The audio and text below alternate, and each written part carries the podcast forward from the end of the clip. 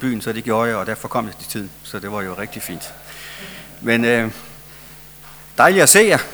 Jeg har jo ventet, at nogen af jer har været ude og, og løbe Ironman, men øh, det er måske så på et andet tidspunkt. Ja, det er godt, I prioriterer. Ja, lad os bede sammen. Herre, vi beder, som vi sang det. Tal, når vi samles her, i det fællesskab, hvor du selv er nær. Lad dit ord synke dybt i os, så det former os til dit billede. Tal, o oh Gud, lad os nu at bede, lad din vilje ske til din ære. Amen.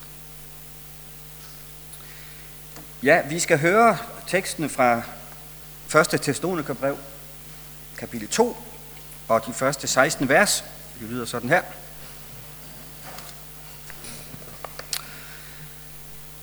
Brødre, I ved jo selv, at den indgang, vi fik hos jer, ikke var forgæves.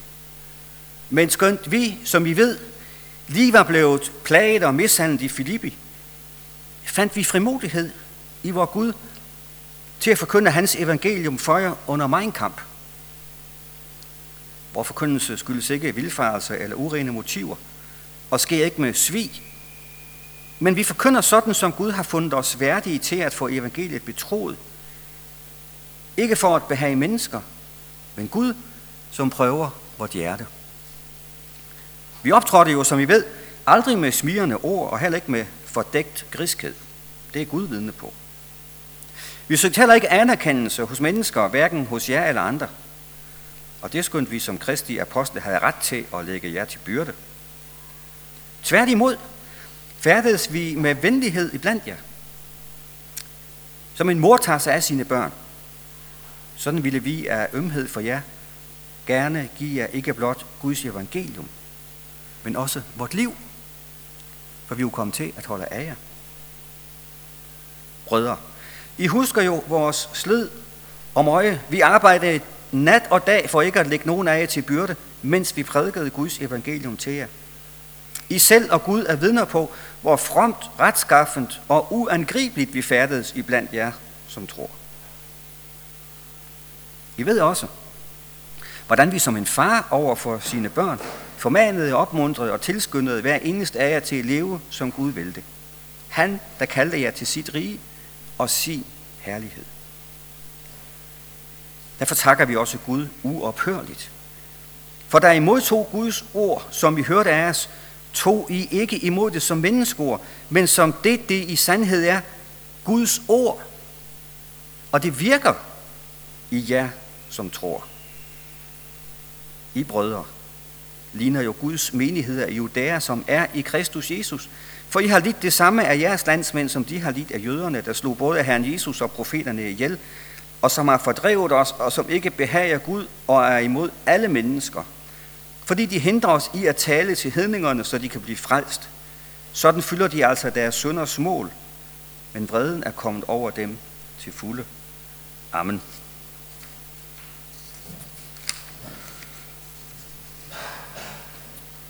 Jeg har tre punkter, som jeg gerne vil tage frem fra den her tekst. Der kunne tages rigtig mange ting frem. Det første, det handler om, om, om Paulus' frimodighed til at forkynde evangeliet. Det næste, det handler om, hvordan menigheden tog imod evangeliet. Og det tredje, det handler så om, hvad de førte med sig. Og Paulus, han begynder jo med at, at tale om, hvordan det var dengang evangeliet kom til menigheden i Thessaloniki. Og øh, jeg tror lige, at vi sådan lige øh, ganske kort prøver lige at repetere, hvad skete der? Det er en spændende beretning, som vi kan læse om i Apostlenes Gerninger, øh, kapitel 16 og 17. Og i virkeligheden handler det her også om, hvordan evangeliet kom til Europa. Det er jo lidt interessant. Se, det her det er kort over Paulus' anden missionsrejse. Den starter herover i Antiochia, efter den første missionsrejse. Og den starter på en meget trist baggrund, fordi Paulus og Barnabas har været ryg mod ryg på den første missionsrejse, har været de hinandens nærmeste medarbejdere i 10-15 år. Og da de kommer tilbage efter den første missionsrejse, så bliver de rygende uenige. Og hvorfor de blev det, det er en historie, jeg ikke skal komme ind på nu. De blev så uenige, at de skiltes. Og det betyder, at Barnabas, han tog sin fætter Markus med, og på, på, på det, som egentlig Paulus havde planlagt, skulle være hans anden missionsrejse, om, som, og som skulle have gået herned til Kypern og så op i Lilleasien, som, ligesom den første. Og Paulus, han tog så i stedet for Silas med sig, og så rejste de så nordpå her, op igennem Lilleasien. Og vi kan så læse i kapitel 16, at i Apostlenes Gerninger, at, at der er total forvirring omkring den her missionsrejse. Fordi de kan ikke finde ud af, hvor de skal hen. Der står, at de prøvede en ting, og det blev de forhindret af Helligånden i. De prøvede den anden ting, det til, tillod Jesu ånd dem ikke. Så de, de flakker lidt rundt på mor og få her, øh, Paulus og Silas, indtil de får et syn her i Troas af en græsk mand, som siger, kom over og hjælp os. Og så sejler de over til Neapolis og kommer til Filippi. Og, og evangeliet kommer til Europa på den her højst besynderlige baggrund, kan man sige, som ser fuldstændig uplanlagt og, og kaotisk ud, men hvor det jo alligevel er Guds hånd, der styrer det hele. Efter de begivenheder kommer de altså til Filippi, og der begynder det så endelig at ske noget godt. De kommer op på, på bredden der, de finder et bedehus, og, og, og Paulus forkynder evangeliet, og vi, og vi hører om kvinden Lydia, at hun, hun tager imod evangeliet. Den første europæer, hun var ganske vist indvandrer fra Lille Asien, men det er så en anden historie, som, som tog imod evangeliet, fordi det blev forkyndt ved sådan en organiseret missionsindsats i Lille Asien. Så sker der det, at Paulus han også uddriver en ond ånd fra en kvinde, som, som, øh, som kan spå, og, og hende er der nogle mænd, der udnytter og tjener penge på, og da Paulus altså uddriver den her onde ånd, så bliver de selvfølgelig sure, fordi deres indtægtskilde er væk, og de er ved at lynche Paulus og Silas. Og Paulus og Silas, de ender i det inderste fangehul i fængslet i Filippi. Og øhm, jeg har tit tænkt på, hvor, hvor, hvordan de må have været at være apostel der. Altså fra den ene yderlighed til den anden. Efter stor modstand, intern modstand og besværligheder og åndelige problemer, hvor vil Gud have sendt, endelig åbner der sig en dør, bum, så bliver de lønset, og så sidder de i et fangehul. Det er da ikke let at tro på, at Gud han er med i alt det her, og at han har en mening med det. Men de fleste af jer kender sikkert beretningen. Gud han, han griber ind, de sidder der og synger lovsange. Paulus og Silas ned i, i fængslet, og fængslets mur ryster. Og fangevogteren og hans familie bliver så den, den, den tredje menighed i Filippi. Øh, den første menighed, kan man sige, øh, i Europa. Og, og, og Paulus han kan, han kan rejse derfra. Øh, han, han, han bliver løsladt, og, og, og, og han rejser derfra. Og så i kapitel 17, der kan vi så læse, hvordan han så kommer videre fra Filippi og til Thessalonika og til Berøre. Og øh, der sker så det, at de kommer til, til Thessalonika, og øh, der sker det, som, som der sker næsten alle steder i Apostlenes Gerninger, der Paulus forkynder, der står i kapitel 17. Efter sædvane gik Paulus hen til dem, og tre sabbater i træk førte han samtaler med dem ud fra skrifterne – han udlagde dem og forklarede, at Kristus måtte lide og stå op for de døde, og sagde, denne Jesus, som jeg forkynder for jer, er Kristus. Nogle af jøderne blev overbevist og sluttede sig til Paulus og Silas, og det giver også mange gudfrygtige grækere, og ikke så få fornemme kvinder. Men jøderne blev misundelige, og fik nogle dårlige mennesker fra gaden med sig, og de lavede opråb og uro i byen. De stormede Jasons hus og ledte efter Paulus og Silas for at bringe dem fra folkeforsamlingen. De skræmte folkemængden og så videre, og det ender med, at, at Paulus og Silas, de faktisk de bliver fængslet, de bliver løsladt igen, og brødrene siger, I må hellere straks rejse videre. Og de rejser så videre til, til øh, Berøa. Og der kan vi så læse, at der er jøderne mere retsindige. Der står, de, de læste i skrifterne for at se, om det nu var rigtigt, det der blev forkyndt. Men i løbet af kort tid, så kommer modstanderne fra Thessalonika, altså ned til Berøa, og får skabt ny modstand, og Paulus han må, må rejse videre, og han rejser så herned til, til øh, Athen og Korinth. Og det er så derfra, han skriver, menighed, øh, skriver til menigheden i Thessalonika det her brev, som er det første af Paulus' brev i øvrigt. Og, og, og han er jo optaget af, hvordan går det med den her menighed. Han har måske kun været der i tre uger. Det er det, vi kan læse i hvert fald. Tre, tre, øh, han, tre, tre lørdage i træk, tre sabbater i træk, har han ført samtaler med dem i synagogen. Der er nogen, der mener, at han har været der lidt længere. Men man kan sige, de var ikke længere om det, apostlene, på deres missionsrejse. Filippi, det var jo bare også nogle få dage, og nu her tre uger og så videre. Og hvordan er det måske gået med den menighed? Og det sender han så Timotus tilbage for at undersøge, og Timotus har det her brev med ham. Men med den baggrund, der forstår vi godt det, som Paulus han indleder med at sige.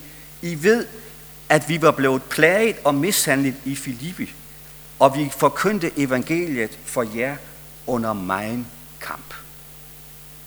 Sådan var vilkårene for apostlene. Det kan godt være, at der er nogen, der tror, at, at i den første tid, der gik det bare øh, i olie og alting. Men når man læser apostlenes gerninger, så er der bare vanskelighed på vanskelighed på udfordring hele vejen igennem. Og det er nærmest et mønster i apostlenes gerninger, at når Paulus kommer til en et sted og forkynder evangeliet, så er der nogen, der tager imod, og der er mange, der afviser det, og de begynder at, at forfølge Paulus. I, under hans første missionsrejse er der en episode, hvor han øh, forkynder evangeliet i en by, og han bliver simpelthen stenet. Og så får hans, hans venner ham videre til den næste by, og så forkynder de der. Og så, og så tænker de, hvad skal vi nu? Så rejser de tilbage til den by, hvor han lige er blevet stenet til Lystra, og fortsætter. Fuldstændig øh, utrolig øh, dynamik og, og en utrolig frimodighed til at prædike evangeliet under de der fuldstændig vanvittige forhold, som vi slet ikke kan forestille os. I 1. Korintherbrev kapitel 11, der skriver Paulus, ser han øh, lidt tilbage og skriver lidt om, hvad, hvad er det, han har oplevet som, som apostel, og han skriver sådan her,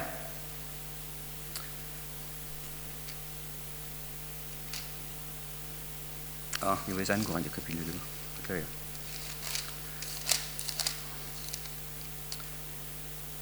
Jeg har slidt og slæbt, tit været i fængsel, fået slag i massevis. Jeg har været i livsfare mange gange.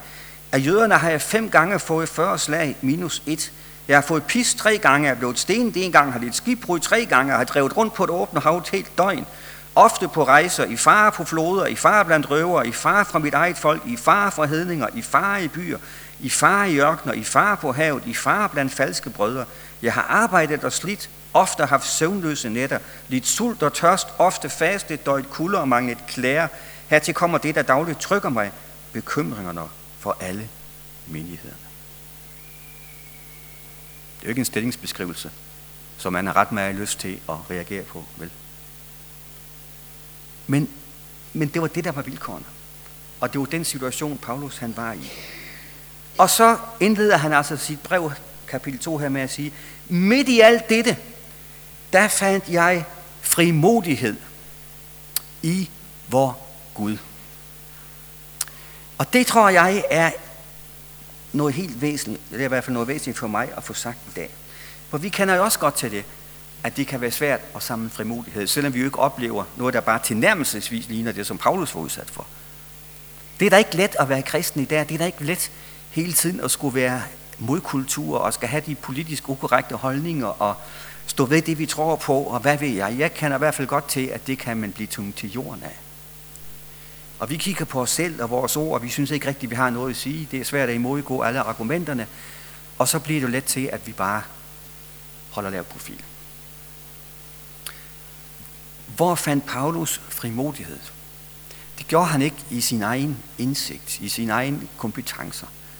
Det gjorde han i Gud. Og det tror jeg er en, en dyb, dyb hemmelighed. At det, der var hemmeligt, at det Paulus, han, det der holdt ham op, og det der drev ham frem, det var, at det var Gud, det handlede om.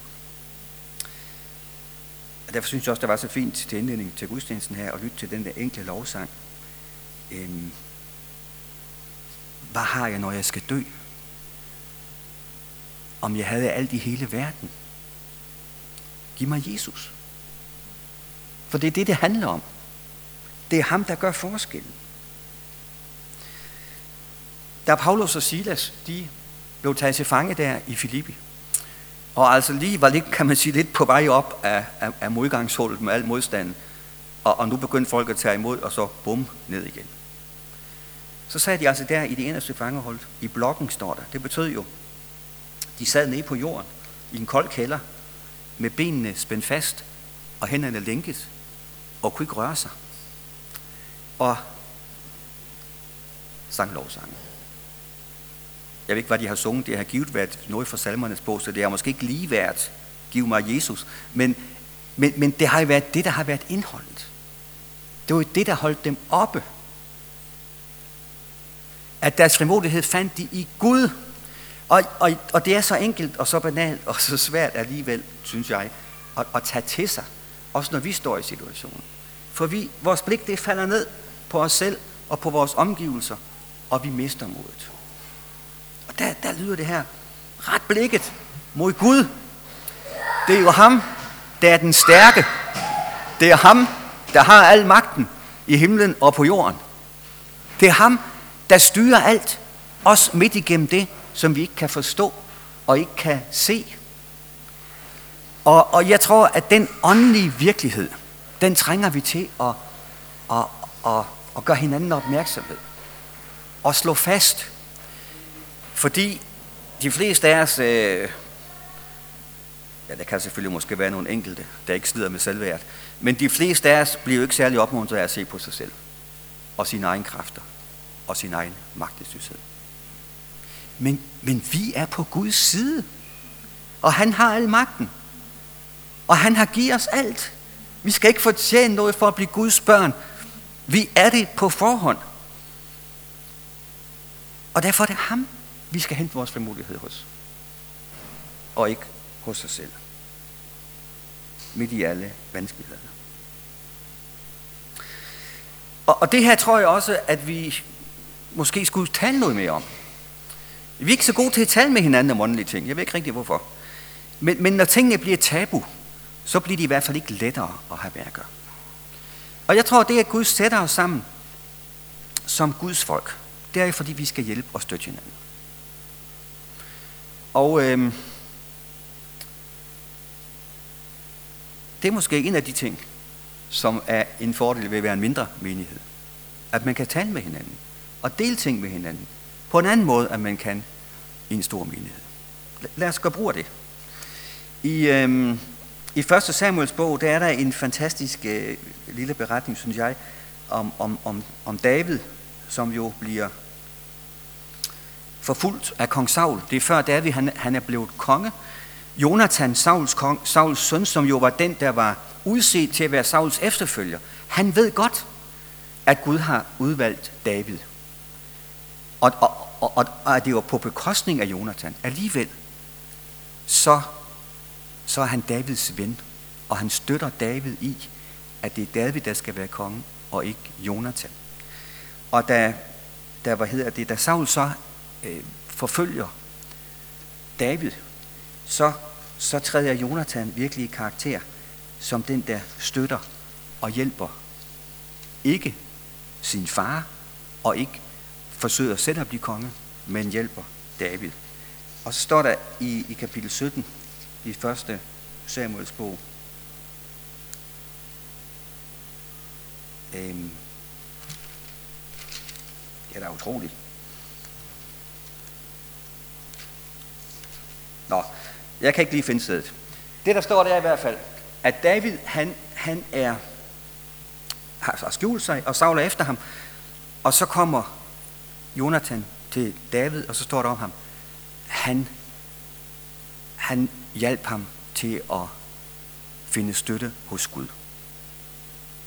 Og jeg synes, det er sådan et, et, et smukt billede på, hvordan, hvordan øh, det også bør være i det kristne fællesskab, også når vi har problemer med, med, med frimodigheden, at så, ja nu har vi det, det er kapitel 23 i 1. Samuels bog. Han fik ham til at hente nyt mod hos Gud. 1. Samuel 23, 17. Han fik ham til at hente nyt mod hos Gud. Jeg synes, det er en fantastisk øh, opfordring til os som Guds folk. Det er det, vi skal hjælpe hinanden med. Og hente støtte hos Gud. Så Guds ord, det blev altså forkyndt i Thessalonika, Thessalonika og, mås- og måske bare de her tre lørdage. Og det fik en fantastisk virkning. Mennesker tog imod. Og, og så kommer jo så, kan man sige, udfordringen til os. Vers 13. Derfor takker vi også Gud uophørligt, for da I modtog Guds ord, som I hørte af os, tog I ikke imod det som menneskeord, men som det, det i sandhed er Guds ord, og det virker i jer. Der er måske ikke så mange af os, der lige skal sammenligne os med apostlen. Men menigheden, de tog imod Guds ord som det, det er. Det er jo heller ikke raketvidenskab. Men jeg tror faktisk, at det er en ting, som vi har rigtig meget brug for os at overveje og besinde os på. Hvordan, hvordan tager vi imod Guds ord? Hvordan hører vi Guds ord? Hvordan bruger vi Guds ord? I vores øh, demokratiske tid, der er Guds ord jo sådan øh, for mennesker flest, hvis det kommer højt, et debatindlæg på linje med alle mulige andre synspunkter. Sådan kan det ikke blive for os. Jo. Hvis vi synes, at Guds ord er for besværligt at forholde sig til, for svært at forstå, for vanskeligt, eller vi ikke er enige, så er det jo let at sige, det kan jeg ikke, det, det tager jeg ikke til mig.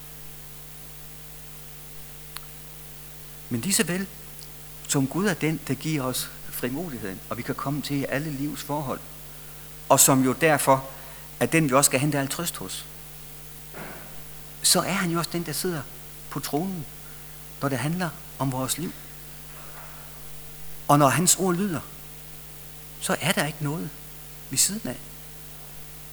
Vi kan overveje, hvordan vi skal forstå Guds ord, og det er, og det er yderst relevant.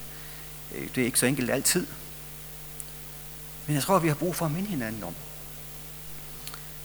at når vi samles, så er det Guds ord, vi samles om. Og så er det ikke et debatoplæg, som vi kan tage til os eller lade være. Nu har vi jo en forskellig alder her også, som er samlet. Og øhm, vi kan jo prøve at tænke tilbage. Øhm, jeg kan prøve at tænke tilbage. Hvordan tager jeg imod Guds ord i dag? I forhold til, hvordan jeg gjorde det for 20 år siden, eller 40 år siden. Nu er der nogen af jer, der står jeg. Øhm, og, og jeg tænker, ja, står det lige så skarpt for mig i dag, som det gjorde for 40 år siden? At her har vi Guds levende og virkende og blivende ord. Og det er Gud, der taler. Som sagt, der kan være mange prædikanter, der taler, som jeg synes, det, det, det var ikke lige det og sådan og sådan. Men når vi skræller ind til benet, tager vi imod ordet som Guds ord. Det tror jeg, vi skal besinde os på. Både når vi går til gudstjenester, og også når vi, når vi læser Guds ord derhjemme. Det er jo mærkeligt. Jeg står op hver morgen, og nu er jeg B-menneske, så jeg fungerer ikke så godt om morgenen, men, men alligevel, jeg har ligesom to valg. Hvor lang tid vil jeg bruge med, med morgenavisen? Jeg kan jo bare læse den færdig om aftenen. Og hvor lang tid vil jeg bruge på at læse Guds ord? Som jeg forsøger at gøre om morgenen. Og det er ikke fordi, man behøver at gøre det om morgenen, men det er bare slående for mig. Det er så langt, langt, langt mere tiltrækkende at tage avisen. For der er jo spændende nyheder. Hvis ikke jeg har været alt for mig på nettet der i forvejen, så er der ingen nyheder mere. Og Guds ord, ja, der er jo ikke noget nyt jo. Jeg har jo. Det er sjældent, men sådan får de store heroplevelser. Det sker der heldigvis. Men, men, men hvad siger det Og min måde? Jeg, jeg skulle jo springe op og sige, kast mig over Guds ord. Det er, jo, det er jo det, det handler om. Det handler jo ligegyldigt, dybest set. Ja, jeg har ikke lige de store svar på det, udover jeg vil bare sige til mig selv og, og til jer, vi skal besinde os på at tage imod Bibelens ord, ikke som menneskeord, men som Guds ord.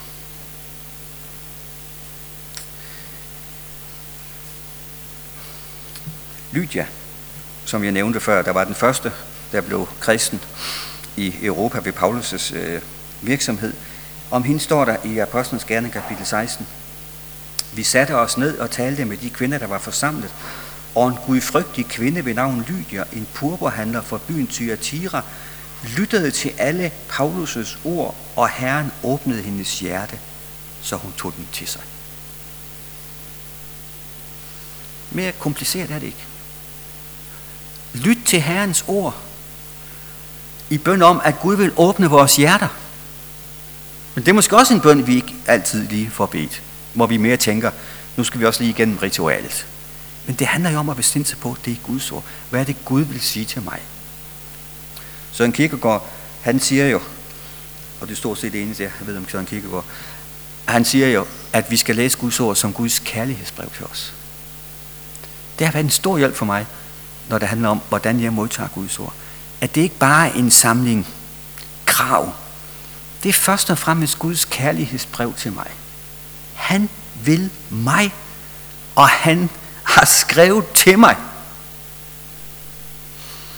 Og jeg husker tilbage på de kærlighedsbreve, jeg fik. Ja, det ved unge mennesker slet ikke, hvad er et fysisk kærlighedsbrev. Men det fandtes altså i min ungdom. Og øh, på et tidspunkt, der var jeg, øh, jeg var lige begyndt at komme sammen med Astrid, og så, og så rejste jeg til Israel i seks uger i en sommerferie, og Astrid hun rejste til Norge faktisk. Og vi kunne kun kommunikere på brev, men dengang var der ikke noget af det mobiltelefoner, ringe sammen fra møntbokser, det var fuldstændig håbløst. Så det var kun brev. Og, og vi skrev jo flittigt til hinanden hver anden tredje dag. Og dagens højdepunkt, når man kom ind fra kibbutzen og havde plukket tønst eller plukket æbler, eller hvad man gjorde, det var jo, var der nu et brev fra Astrid? Og det var der jo så faktisk ret tit. Og der stod jo ikke noget særligt nyt i den. Der stod jo bare det samme, som der stod sidst. Nu har vi lavet dit og dat, og jeg elsker dig. Men det var jo fantastisk at få sådan en brev. Og, og det er jo sådan, Guds brev til os er. Det er det, han vil os. Nå. Nu mødte jeg jo de her fantastiske kinesere, der I kom. Det er jo skønt at se sådan en kæmpe stor flok kinesere. Og, øh, og det har jeg faktisk skrevet i manuskript, Kina som eksempel. I, i 1940'erne, der, der kom, øh, overtog kommunisterne jo magten i Kina, og alle missionærer blev sendt hjem. Og, og, og der var mange missionærer i Kina. Og hele den kristne verden tænkte, nu, nu går menigheden i Kina til grunde. Så kom Mao og kulturrevolutionen, og det gik mange år før, der kom kristne missionærer tilbage. Og hvad fandt de? En, en million stor kirke. Ikke? De har ikke andet end Guds ord, men Guds ord virkede i dem, og gjorde det. Og, og selvom der ingen missionær var, alle folk troede, det går aldrig. Kirken blomstrede, som det ikke har gjort før. Da Paulus sagde farvel til menigheden i Efesus, øh, på stranden ved Milet, det kan man læse om i Apostlenes Gerne kapitel 20, så siger han, nu overgiver jeg til Gud og hans nådes ord. Lad os holde fast i det og tage imod det som det, det er, Guds ord. Og derfor sang vi også den her, synes jeg, fantastiske sang til indledning. Herre, tal, når vi samles her i det fællesskab, hvor du selv er nær. Lad dit ord synke dybt i os, så det former os i dit billede. For det er jo det, Guds ord gør. Det virker jo. Det virker tro i hjertet, men det virker også at det former os efter Jesus. Og nu kommer vi frem til det tredje, og jeg kan se, at min tid den er vist stort set gået. Men jeg skal lige have det sidste punkt, som hedder, hvad kom der ud af det? Ja, der kom jo det ud af det, at menigheden kom til tro der i Thessalonika. Det var jo fantastisk. Men der kom også det ud af det, at de fik et nyt liv. Og Paulus, han har jo ikke... Øh, han er godt nok ikke så beskeden i det her kapitel, når han fortæller om, hvordan, øh, hvordan menigheden, hvor, hvor, hvor meget han har slidt og slæbt, og hvor fantastisk han har været. Og, øh, og han siger jo også øh, i kapitel 1, et sted der, at, øh, at I tog imod, øh, I, I, tog, I efterlignede os og Herren. Altså Paulus, han er godt klar over, at, at, at, at evangeliet har sat spor i hans liv. At, at Gud har sat spor i hans liv. At at han er blevet formet i Guds søns, i Jesu billede, og det er det, han beder om, også måske for menigheden her.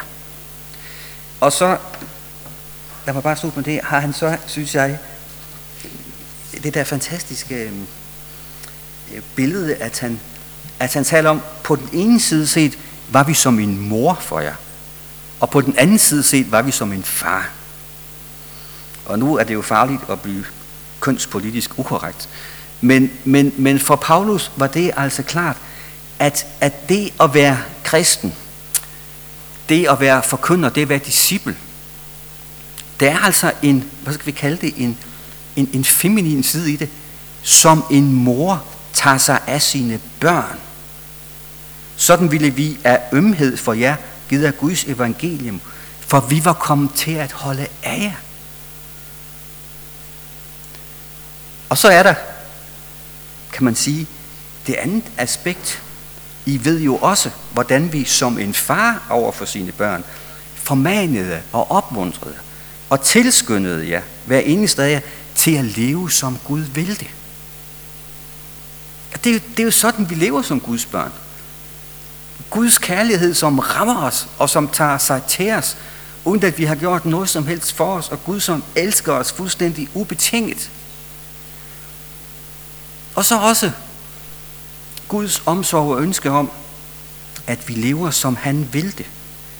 Hans formaning, opmundring, tilskyndelse. Formaning, det er jo sådan et kedeligt ord for de fleste af os, men formaning kunne lige så godt oversættes med trøste eller opmuntre, tilskynde. Som, som en fodboldtræner, der siger til en spiller, der elsker at spille fodbold og er rigtig god til det, hvis du gør sådan og sådan, så bliver du endnu bedre. Sådan, sådan formaner Gud os til at leve som hans børn, til at leve som han vil det. Og det, og det er Guds ord, der gør det. Det er Guds ord, der virker. Det er Guds ord, vi må tage til os. Både når det er kærlighedsbrevet om, hvor højt han elsker os, og at han har givet os alt. Men også når det er faren, der formaner og opmuntrer og tilskynder os til at leve, som han vil det. Ja. Jeg nåede sådan set ikke min, egen, min anden slide, men den tror jeg lige, vi skal have også alligevel. Når jeg kun har